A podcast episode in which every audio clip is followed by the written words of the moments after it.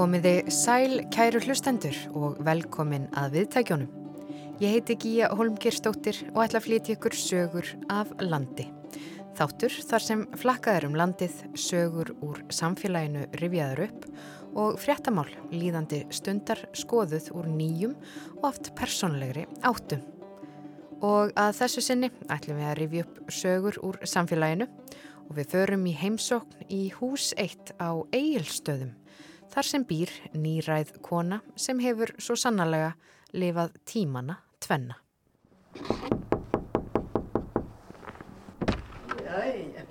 Kontur sæl og blessið? Já, kontur sæl.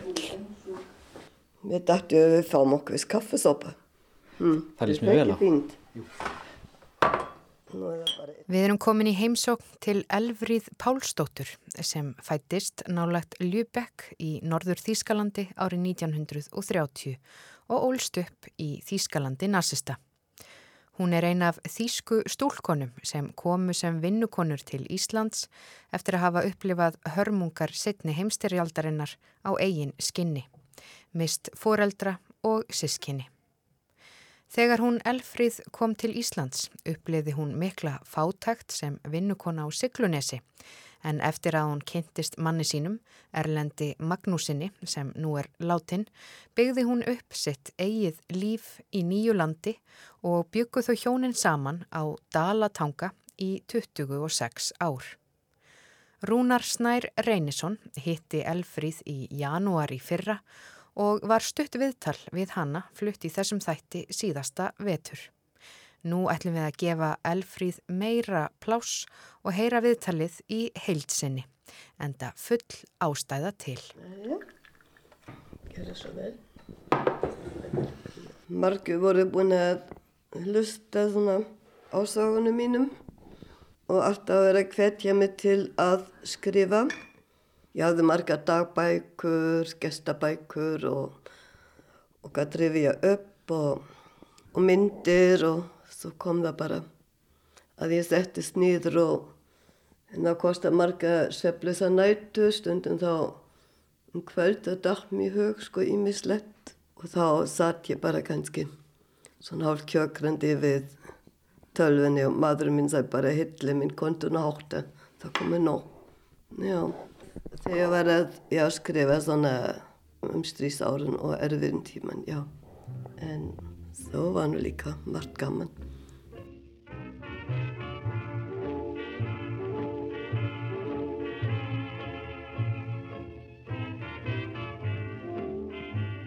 Við höfum allt til alls fyrsta árum áður en stríðin byrjaði. Það var góðu tími. Já, alltaf á sunnudum, það heimsóttum við var að koma til okka eða við fórum, fórum sko til frendurna og frengur þannig ég maður það bóð og leikum okkar saman krakkarni og það var mjög gaman. Þegar stríð brist út þá fann maður ekki svo mikið fyrir sko.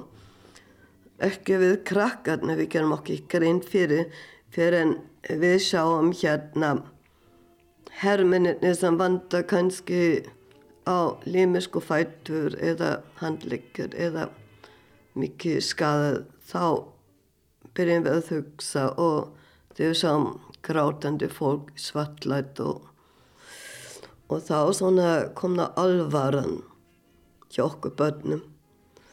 Og vorum hissa hverju verið að taka fólk til fanga og við vorum mikið að hugsa akkverju stríða, akkverju ekki allir vinnur og sérstaklega ég, ég tók það og nærði mig sko.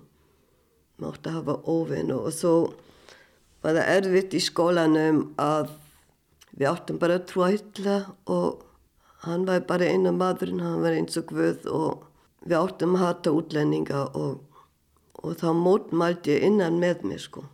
Akkur ég að hata útlendinga? Það hafi ekki gett mér neitt. Það var stúrkærn í bekknu mínum hún var frá Pólandi og Ég hérna hafði hann sem leint fyrir vinkonu sem enginn mátti vita. Og ég klætti alltaf í tvöfaldum fötum og gaf henni fött frá mér. Og ég átti mikið af fötum og sluð að ég gætt gefa henni og, og hjálpa henni. Ímsu svona við þýsku sérstaklega. Þessi krakka voru bara flengt ef þeir læri ekki fljóðískur og það var illa með sko útlensku börnin. Kennarinn, þau spurði okkur líka, sem er ekki allir um hvað tala foreldra heima og, og lusta nokkuð á ólögulega útvarp og hvað talaði um hitla og svoleiðs og það kom nú fyrir að börnun sæði frá einhverja að fólki myndi bara hverfa sko. Að það myndi bara fara í fangilsi og það hefur verið verið að nóga að segja bara já, Hitler vindi ekki stríðið það þurfti ekki að segja meira. Við þurftum bara að leika svona í fjölskyldu. Vera líka bara trúum bara á sko. Já. ég man, einn frendi minn hann var út á torki og hann stó ekki með upprætta hend og hann var alveg bara lamið í klessi sko. Af því hann stó ekki og sagði hann lilla hann var að mótmæla. Og hann var straffað með því að konan hans hún var bara tíkuð samband hún mátti ekki eða flýra börn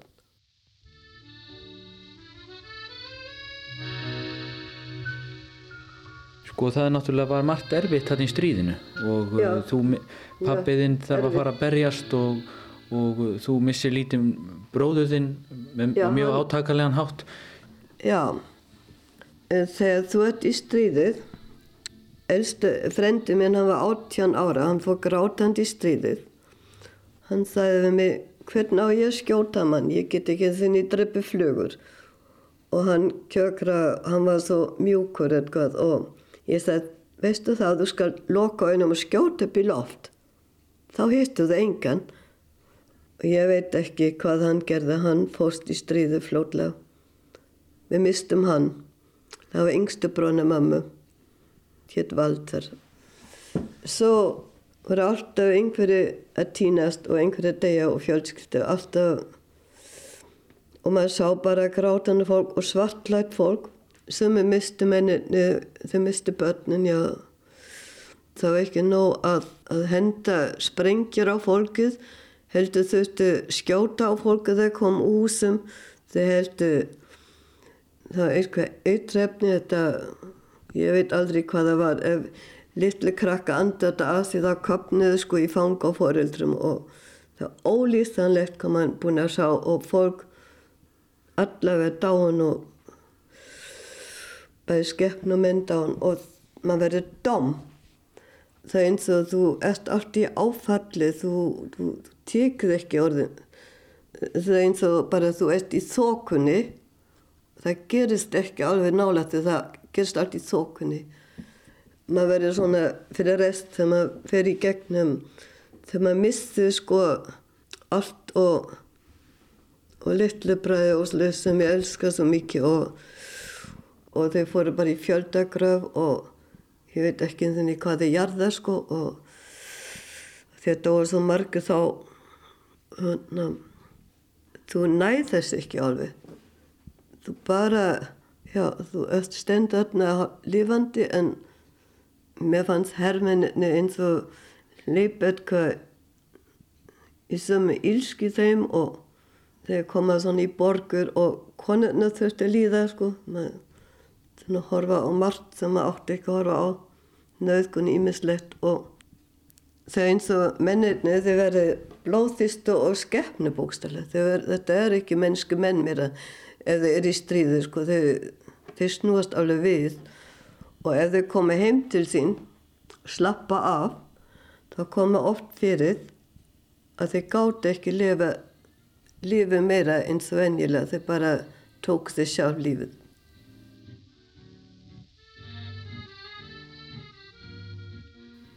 Tólf ára þá var ég í Lübeck og mamma mín vildi ekki láta mig fara en ég þráast við, ég vildi endurinn fara. Þá lendi ég vestar loftarás í Lübeck. Þá var ég ekkert fann að þekka neitt loftarás þess að lesa fyrir austan. Og það var alveg ræðilega nótt. Hérna, sprenginga voru alveg í kringum okkur og, og allstað eldur og þá brann Lübeck í halva mánuð. Og það þurfti alltaf að, að hérna árin þurfti alltaf að hafa fötin í tösku og allt sem við þurftum að nota til að vera alltaf viðbúin. Og stundum þá hlættum okkur ekki úr fötum. Þá bara sváum í fötum þegar tungsljósi var það var árás ábyggilega. Já. Eftir það það var nokkur sinnum loftarásir að þá hérna voru farið með nokkra bekkur hérna frá Lübeck til Östuríkið með okkur til að kvíla okkur. Kvíla ykkur á sprengjuregninu? Já, kvíla okkur, við vorum hún svepp litla og við gáttum ekki alltaf áfram í náminn og mikið sko að hérna það þurfti kvíla okkur en við áttum verið minnum með sex vikur en við vorum halvt ára því við fengjum skalasort þá vorum við alveg einangru þarna á hótelið sem við vorum en við þurftum að læra þá voru kennari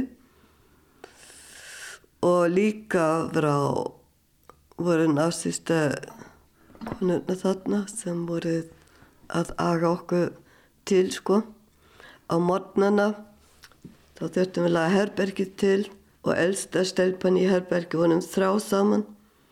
Hún þurfti að kalla áttung. Þá þurftum við að standa alveg stífa með hendun upp og helsa hæg lilla.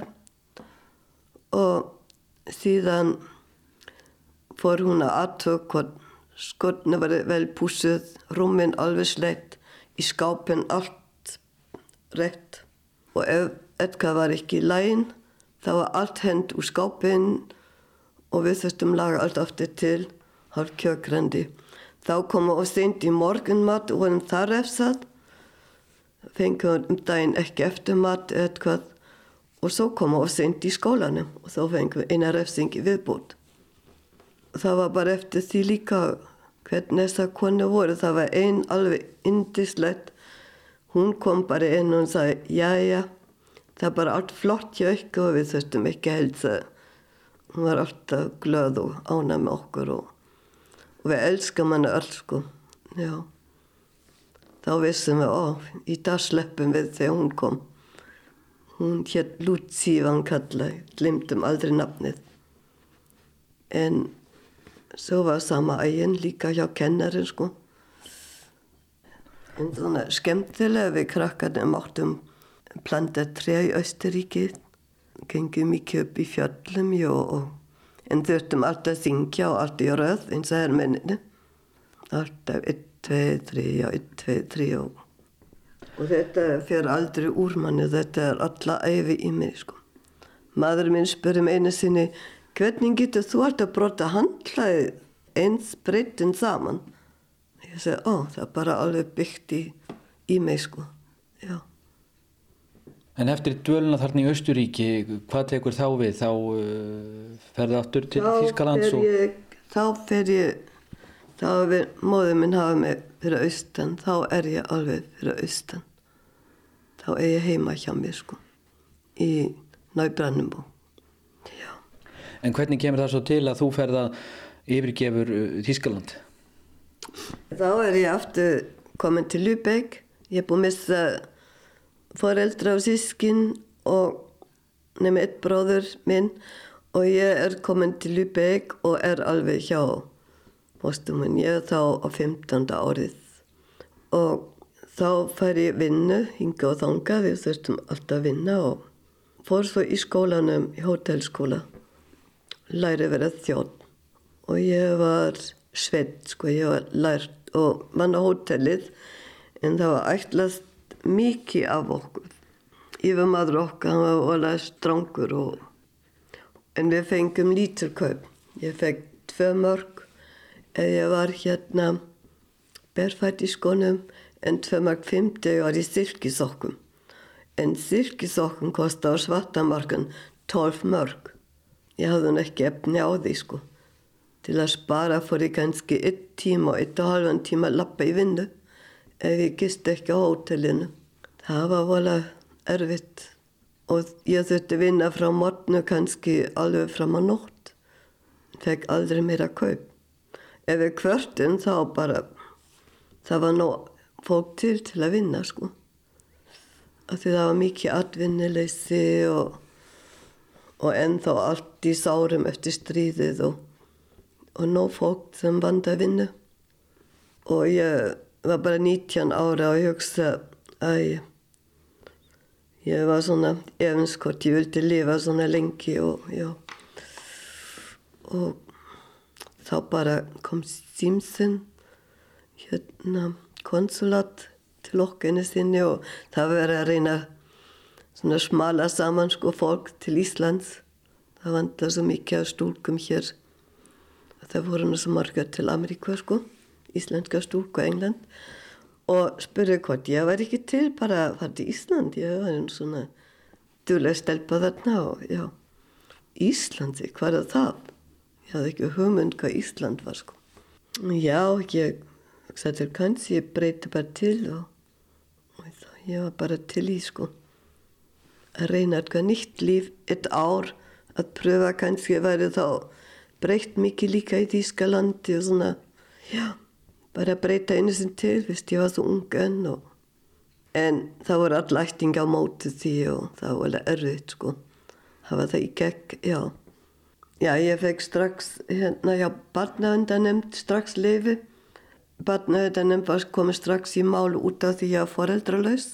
Það fylgst með okkur þangað til ég var eins og 21 ás og ég vildi bara pröfa eitthvað svona alveg nýtt og var bara búin að fá nóg eins og maður segja, já. Og segðu okkur, já, hvernig var svo ferðalagi til Íslands? Ferðalag til Íslands, já. Ég var rosalega sjóvik það ætla hann aldrei taka enda, sko. Það var nokkru dagar sem ég lá bara og En så kom skipståret med kjøttsupene og bare skipa med bordet og, og efter það svona restist ég og það líka last aðeins í sjólinn og svo fór ég nú á fættur og svo fórum við að hjálpa aðeins kokkin og svo les, já, og byggðum bara spennt og nema, við vorum haft framann í það var frammi, kjölur eða hvað það kalla það var svo rosalóand lykt þarna þeim kom sko sem úldin sjóri eða svo list og við bara flúðum þarna þeim strákarnir svofi í káðutuna og þeir bara leta hafa sér það sko þeir voru bara undrandi allt innu voru allstað stelpri í káðutuna þeirra.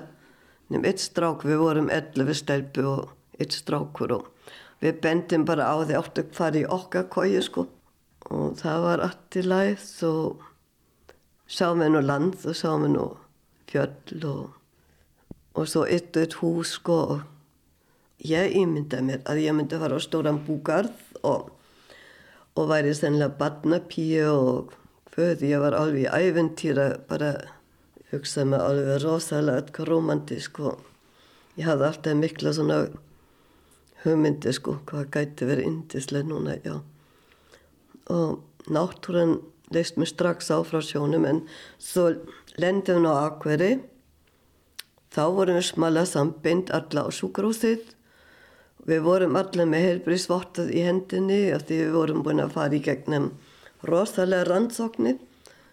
Við vorum allt heilbríð en samt vorum við lóta að fara í gegnum alltaf aftur hérna á Íslandi. Svo þegar það var nú búinn það vant að bara aflúsa okkur sko.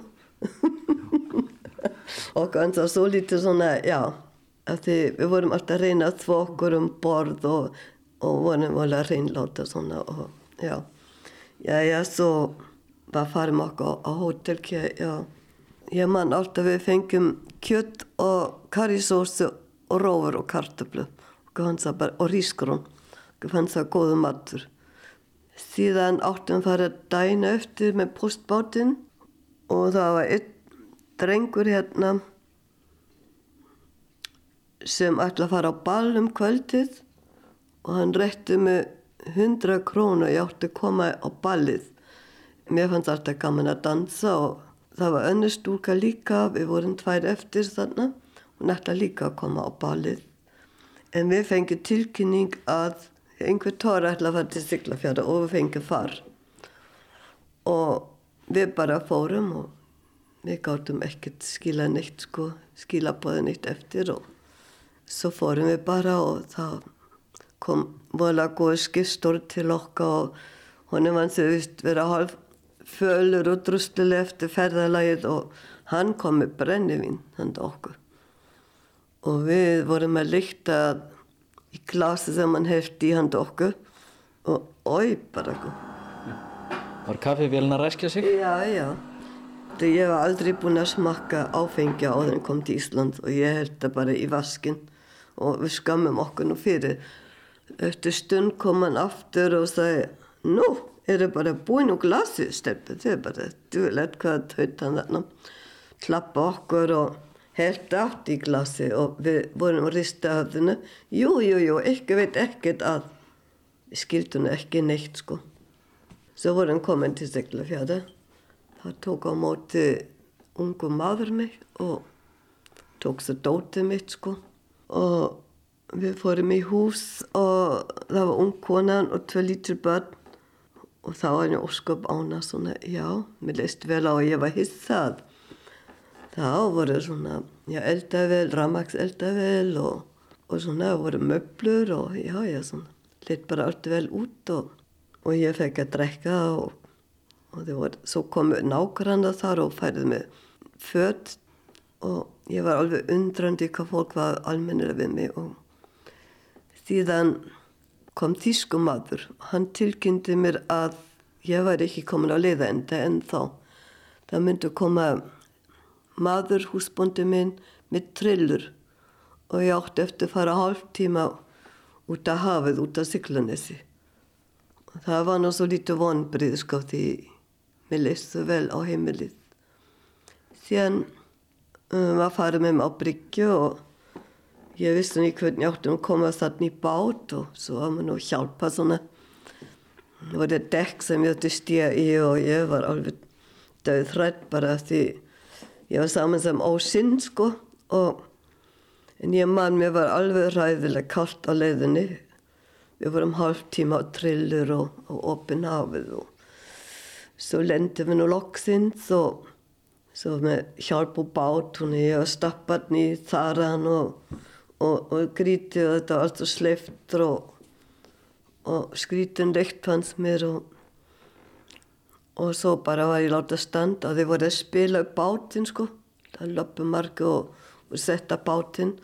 Svo var drengu með mér og, og bendum á ég átti að koma með því hann var svona 11-12 ára eitthvað svo les og hann hétt Hafstein og hann var sumamaður þar.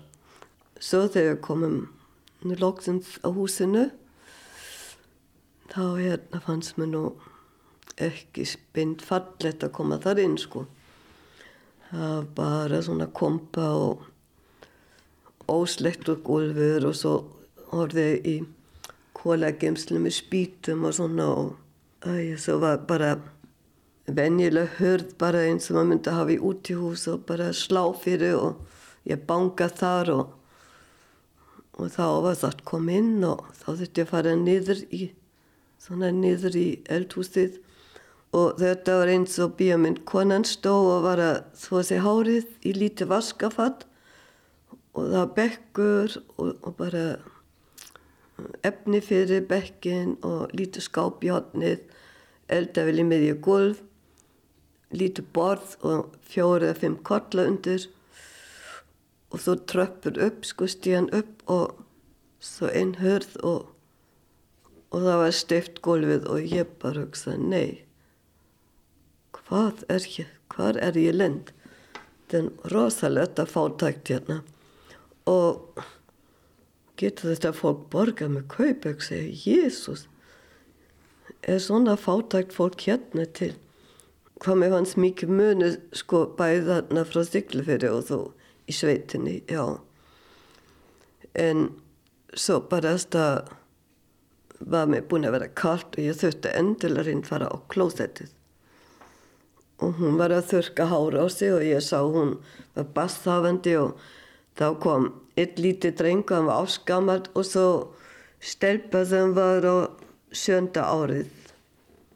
Og ég tók hann á móti mér og svo hérna sagði ég alltaf toilet, vafsið toilet. Og svo skildum við loksins og ég hugsaði hvað ætla þessi klósetti hérna?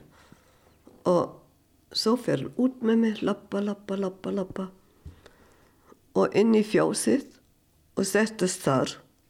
Og fór að pissa en ég lóp út bak við fjárhúsi og pissa þar horfið til hægur og vinstri hvort einhver myndi sá til mín sko.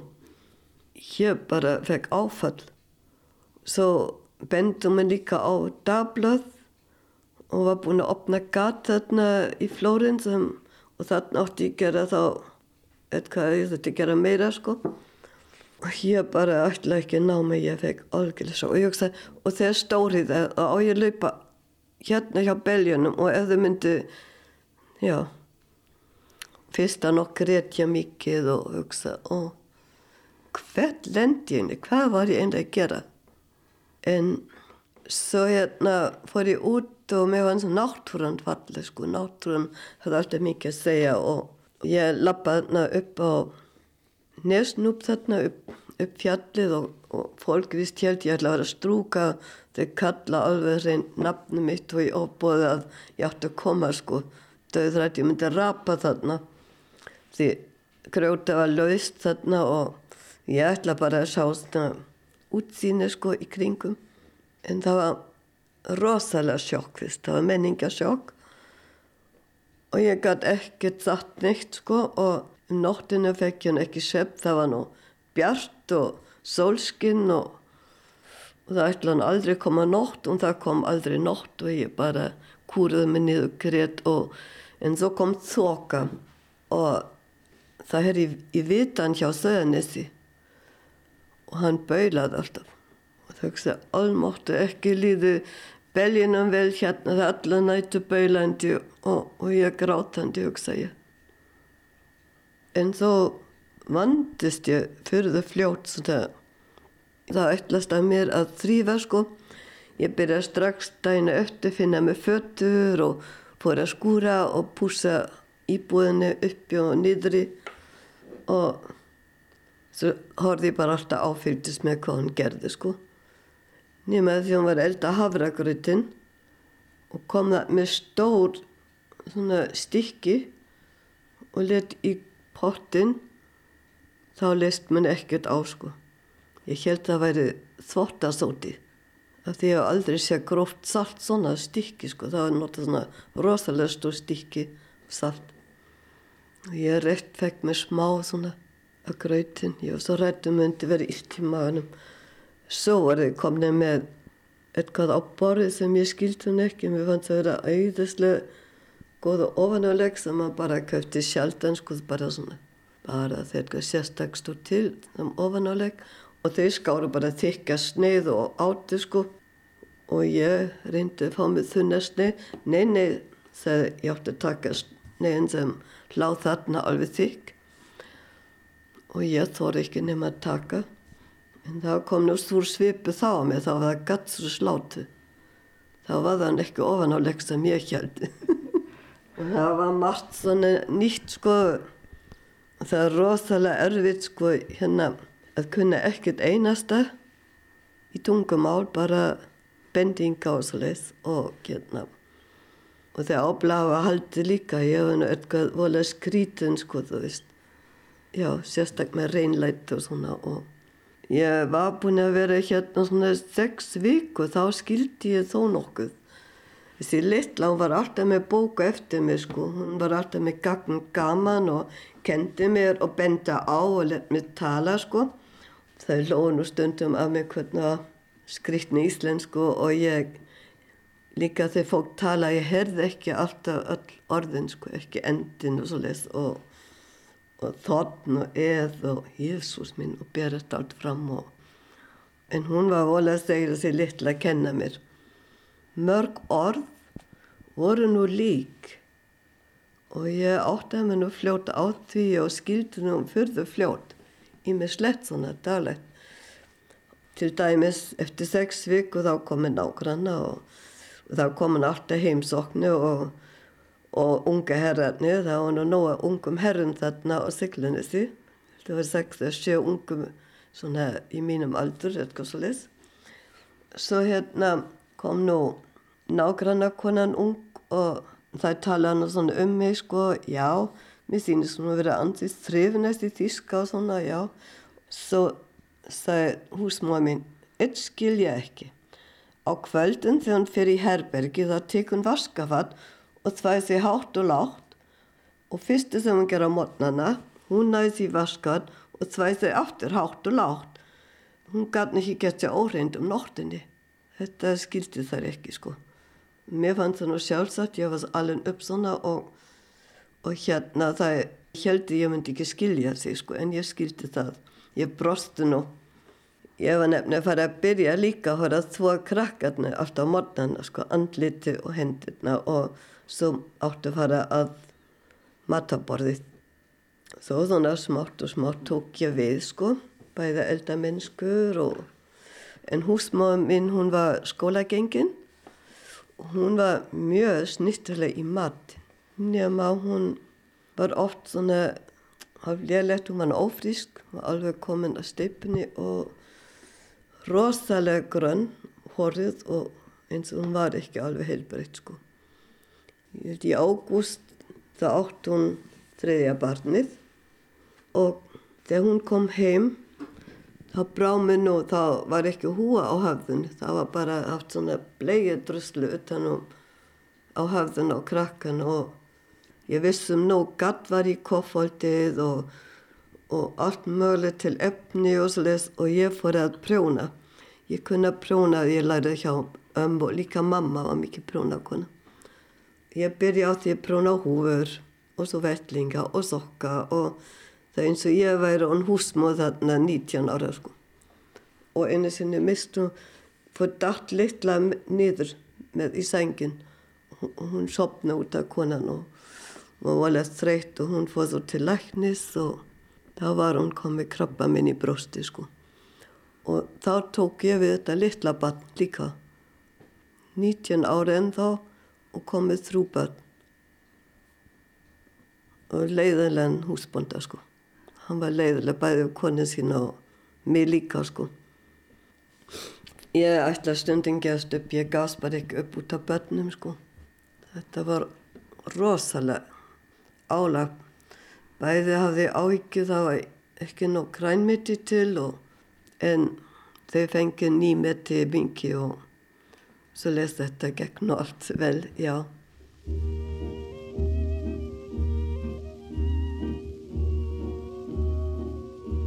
Nei, svo vorum við nú hamingjusam, sko, ég var nú hamingjusam auðvitað þegar, þegar ég kynntist manni minn.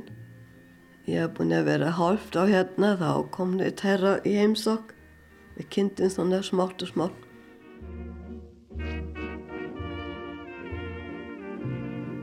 Hann var að veiða mikið svona og ég, mér langaði svona í matabreiting og ég baði hann eða skjóta fyrir mig önd. Og hann kom með eina æðakortlandið mér og mér fannst það nú skrítun önd sko, hún var allt, allt öðruvís á bræðin ég átt var nú vön að borða andakjöld, já.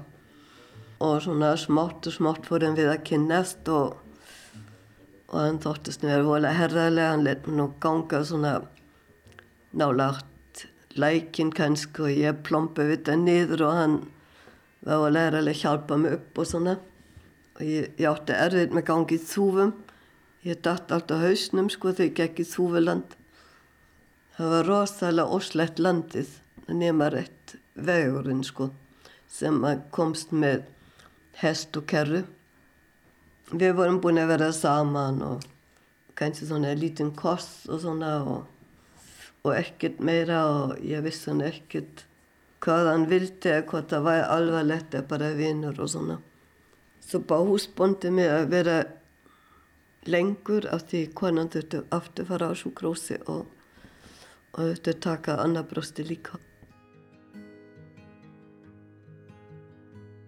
Þetta var alveg erfið með börnin, litla kallaði mig fyrir mömmu og drengurinn líka og ég ætti að venja börnin smátt og smátt að mér. Og ég var þá í næsta húsi við sko. Og svo komu, börnin láti í fóstu þeirna. Já þegar konan dó sko.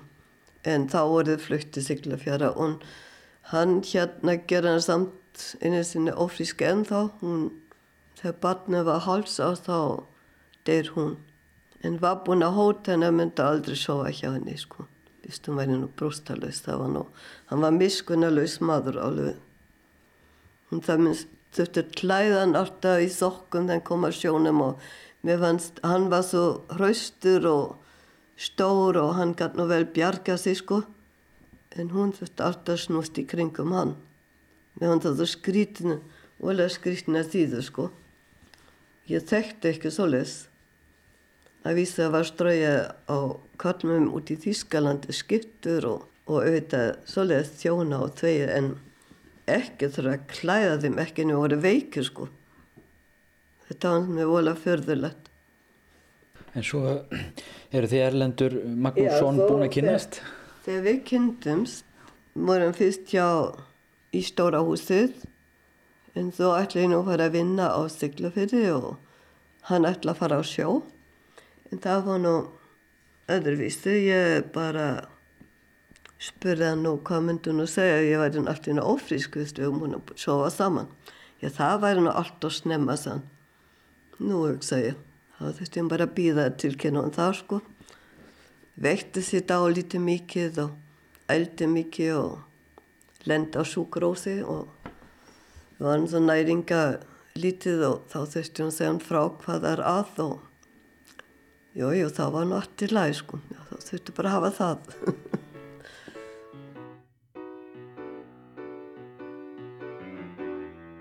Svo fórum við bara eitt vetur hérna að syklu fyrir en vorum það óheppin það var mikið atvinnileystið og hann átti trillu það var búin að kaupa sig.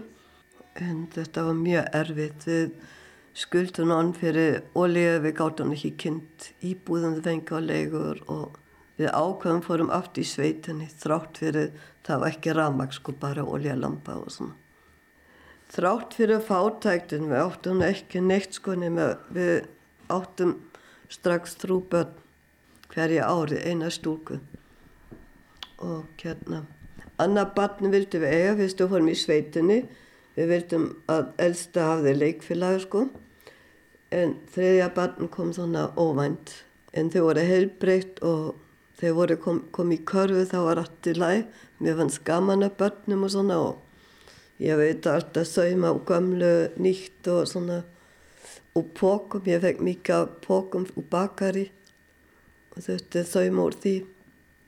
Og við áttum mjög lítið svona en pappakassin stóru var nortborðið mitt, ég þaum að bara efni út hannum ég held við vorum bara mikið samvið þurftum vinna mikið en krakkarna voru kátur og fjöru og þekkt ekki annað og, og leka sig út og voru að útbúa sig og og voru ánæg bara með svona druslu dúkur og, og svo voru áttum við svo marga skeppnur og það voru hundar og kettur og það voru kindur og hænur og við höfðum alla skeppnir fengist á Íslandi. Við vorum með svínabú, hænsnabú, við vorum með geitur og hestar, já. Það voru pínu litla, það voru eins og litla kapæböld bara sko. Það þryggjára og lend, það leytið sér bara þú og bara voru að koma á hestbakk. Það var aldrei spurt hvað við nú að gera. Það, það fundis allt eitthvað til að gera út í náttúrunni. Og ég sá stundum börni lága á túnið og voru tala við gæsa unga eða við einhverju kettir eða hundar, já. Og ég man þegar fengi allir dúkuvakk frá Þýskalandi, þá voru dúkuna tikk út en kissurna voru klætt í dúkkuföld og voru litli kettlingar voru kerð út í vagna. Svo voru náttúrulega mörg börn, ég var með tökubörn, ég var einu sinni með líka, það voru líka heimsokk og það voru tíu börn en enginn þóttavel. Þetta allt hans svo, það var ekki drama hvista árið. Síðan fengið við vita var það starf og það var bara fyrir eitt kaupið maður minn en ég hjálpaði hún til að senda veðrið. Það var veður á tunastöð frá Stiklunissi og það var líka kynnt bara með gas og nefitinn og þá var nú luxus að fá eina litla vel til að hafa ljós. Og það var svo lítið brandar að ég mann fyrst þegar fengið ramagsljós ég bara manni mín að slakka ljósið, ég ætla að fara að sofa. Þá tók hann hendunni fyrir perun og bles alltaf á perunni. Hann held alltaf að það væri oljalampan. Og ég fekk látus kast á því þegar hann var að blása á ramagnið. Maðurinn minn hann var gæfumað, sko. hann var valja ljúfumadur og hann gæti aldrei lefið í ósátt en eitt. Hann var diplomat, mikið svona, já, svona að og við hérna háttum aldrei nema í kistin góða nótt sko, það var alveg venni. Ef eitthvað var þá rættum við saman. Ég kannski fór eins og niður fílu sko, mér fannst ósann gjört stundum eitthvað og svo rættum við um að þann, já þetta er líka astni, skilti segja svona. Ég meina hann var ungu líka, hann þurfti mér að fá leiði til að gifta sig, hann var ekki alveg 21 þást, ég var halvt á eldri en hann. Ég var án 21 þá sko, já. Ég kom með svona marga hugmyndir og, og hérna fyrst skildi hann ekki allt þetta blóma vesn alltaf hjá mér og, og ræktun og grænmyndi og ég, það var vissan hvað ég var alltaf vildi ég rækta grænmyndi eitthvað og, og blóminn þurfti ég hafa sko. Og hann skildi það ekki almennlegt fyrir eftir 16 ár þá fórum við til Þýskalands í fyrsta skipti. Þó þegar hann var úti og sá öllum blómstra og við vorum þarna úti hjá öllum ættingum. Það var öllum ávextagarðar og blómagarðar og þá allt innu stóðan satt hann á bekna og komið tár í auðin hansi og þetta yfir gafst og allt og varst þessi harðindi hjá mér sann. Og eftir það skilta nú mikið betur sko. Ég rækta með sér tómata í, á Siglunissi í glokkunum hérna í þortahúsum. Það var volið stóru glokka og geimslum og alls það sem nokkur glokka var rækta ég eitthvað sko. Og reyndi líka með kál, það var söður í stekk, það var hlýrið þar. Það var nú rófur og kartur. Svo fekk ég ponsi litlu kálhausa og salatsbratnin líka verið svona húsi og ímislegt, já. Og með þess að arfan líka á þann fór að blómstra, það er mikið næringi. Og var að klippa þetta svona jafninga og, hafa salat, hundarsvöru og píplablöðn, minnstublöðn og hafa þess í salat og svona og krakka læri strax að borða svona ímislegt. Og njólið, bjóti njóla jafning og svona og maðurinn minn það er náttúrulega fyrst ég borða hann ekki gráð sko. Þannig bara fyrir skefnur svo setna þá gæti hann ekki fengið nóga grænmiti setna í búskapin okkar. En það var fyrir mestu vorum öll helbreyt og en það kom hennar stundum upp sko. Svona eru ég þurfti að læra að spröyta og ég hafði líka liv undir hendinni og bæði skeppn og mennina og einn dóttur minn hún mitti sinni sinni í hænsnús fjara ára. Og hún var eitthvað órulega um nóttun ég haf búin sóttrins að fótum kvöldið. Svo nóttun að sé bara fótrinn um alveg blá rauður og ég fóð niður í kvelli og söðu spröytur það var bara einn spröytur til bæði fyrir skeppnum menn. Og þurfti að sjóða hann þá lítið vel og lengi og svo þurfti að sjóða vatnið til að blanda yfir penslinn duftið og rista vel og taka í spröytu og nálinn var nú ekki fín. Þetta var spröyta litla greið, hún var fjara ára. Ég var ekki besta mamma í heimi þá sko. Svo ringdi morgun eftir í læknir og hann þegar ég haldi áfram að spröyta þanga til fóturinn búin að fá rétt að litin. Við komumst heldur ekki, það var stór brim og það þýttir ekki og ég var með töflu, þá mátti hún fá töflu það gekk vel. Það var, gekk mikið verið að spreyta húsbóndin. Það hefur verið fínt á vídeo sko. og þannig er þú að, að bregða þér í hlutverk eh, hjókunarfræðingsins eða læknisins á Siglunesi? Já, ég þurfti kunna margt og líka skeppnum sko. Líka fór ég á milli bæja til að hjálpa kindur eða gátt ekki borið. Ef maður býr svona í einangrun þá þau mann að helst kunna allt sko. Og það verður vera svo les þegar maður er í einangrun. Það verður geta bjarga sig sko. Já, þegar ég hef búin að búa hérna í 18 á þá fólk fann að fækka það bara á reyðar á og einn öldri hjón byggu þarna. Og við bara hugsaðum hvað við nú gera? Börnum þarf að kannski læra meira. Við getum ekki bara að lifa í skuld bara út af börnum það gengur ekki svona áfram og þá kom óvænt hjálp.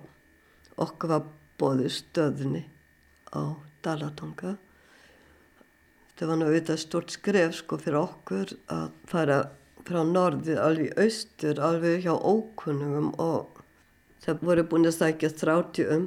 Þetta var að starf en við fengum starfið og þetta var dálítið erfitt. Eldri börnin voru mjög óana fyrst að því hérna til saknan og Siglunissi og Hvað áttu þið mörg börn þegar þið flyttið á Dalatanga? Við vorum með sjöbörn 16 ára eldsta og yngsta var eins og hálsás og hún var ekki mjög ánætt hún vildi alltaf fara heim. Ég segi nú ein við heima hérna. Nei, nei, ég vil fara heim svo svo vandist við nú og svo var ég nú bra saman afleggjara og spurði nú fólk hvernig hérna var hérna áttir hérna og áttir? Og hvað ætla að gera með þessa afleggjara hér vext ekki svona rabba bara og ég var ekki sátt. Ég sá að suðu fyrir gardin suðu fyrir húsi var bara leirmold og ég hugsaði já það þarf að bæta hérna áður en kem afleggjara niður. Og við þóttum bara strax sko eld, eld gamla skítau og, og mómold og sandur og bara því kom afleggjara niður fyrst sko. Ég ætla hann að hafa garð og svona já. Og það tók svona allt svo. Og ég fekk nú gróðhúsi fyrir rest líka og, og rætta grænmeti ávexti og, og þetta var nú ágættis svona selta líf. Þá fyrst fannst mér ég byrja að búa sko. Ég var alltaf inn að koma með sjálfvirka þvortavel og mér fannst alltaf ég þurftum að hjálpa henni öllska ég gæti nú bara ekki bara stað og hort á hana það var ekki hægt sko. Við vorum komið með ískáp og við áttum bara fristikistu á Siglunissi. Við vorum bara komið fristikistu þá, rafljósi og eina litla handræri vel var ég búin að fá sko. En annars engin, önnur þægindi. Og hvað búið þið svo lengi þarna á Dalatanga? Já, við byggjum það í 26 ár. Við þurftum það eitt að maður minn var hjartveikur og ef mann býr á svona stað þá maður vera raustur og svo les að við vorum líka svo lítið lúin eftir öll þessi ár sko. Það var mikið meira að gera þá fyrst, það var hljóðviti, það var radjoviti og, og það var mikið meira svona gæsli, svona já, líka radjoviti flúvila og það var margt svona og þryggja tíma fresti veðrið, það var mjög bindandi. Svo vorum við búið líka kindur og, og kýr og það var allt heima gerst, bæði skýrið, smörið, osta og jókút líka, ég hef búin að fá litla jókút vel. En hvernig var það, Elfrið, langaði þig aldrei að flytja aftur heim til Þýskalands? Stundum svona, en ég hef aldrei gett það, sko. Madur minn, hann átti erfitt með að læra tísku og hafði ekki áhuga. Nei, ég haf búin að ákveða að vera hérna í Íslandi. Það var líka mikið frálsara ég fann alltaf, þegar ég fór til Tískaland þá þurfti ég alltaf breyta mig sko. Þá var mannasíðan meira og kurtisi meira og mér fannst það frálsara hérna og líka svo átti ég nú öll börnin og fjölskyldu og mér fannst alltaf gaman að vera tíma úti en svo líka var gaman að koma þeim. Það var vest fyrsta árin svona. Fyrstu jólinn var engið gert sko til jóla svona. Með baka aðeins svona og enga aðvendu þetta og sér upp með úti já og en svo lagast þetta nátt smátt og smátt og svo kom ég að mína síðu þegar ég fór að búa sjálf og það var alltaf haldið mikið upp á bæði jólinn og páska sko það var að falla páskegg og ef ég komst ekki ég bjóð til sjálf karamellu og nammi handa krökkum og, og bjóð til páskeggjum þá og svona, já, já. Við líka leikum okkur mikið, spilum mikið saman, púk og og lási mikið og líka fylgdi mikið með útvarpið, það var oft svona framhaldsögur og flýtum okkur að vera búin með útíverkin til að geta allir lusta á og við vorum volið að samheldin fjölskylda og akkurat alltaf matur klokka nýju, tólf, fjögur, sjö og svo um kvöldin fengi krakkana það aftur og líka við sko. Og auðvitað á milli að gestu koma eitthvað, já. Oft þegar ég átti mjög erfið þá hugsa ég oft hvernig hefði það verið ef ég hefði búið í Þýskalandi sko. Það kom fyrir hefði ég verið í Þýskaland að ég, akk hverju sko, fór ég til Ísland. Það gáttu komið svona dökku daga en svo aftur býstu alltaf bonni, jú, jú. Það held ég nú. Elfrið Pálsdóttir, þakkaði kella fyrir spjallið. Já, takk sem list. Rúnar Snær Reynisson rætti við Elfríð Pálsdóttur sem kom sem vinnukona frá Þýskalandi til Íslands eftir að hafa upplifað hörmungar stríðsins á eigin skinni. Það smá geta að Elfríð hefur gefið út æfi sögu sína þar sem hún rekur átakanlega reynslu sína úr stríðinu. Bókin heitir Elfríð frá hörmungum Þýskalands til Hamingju strandar og þar með er komið að lokum í sögum af landi í dag. Við þökkum þeim sem hlýtu lifið heil.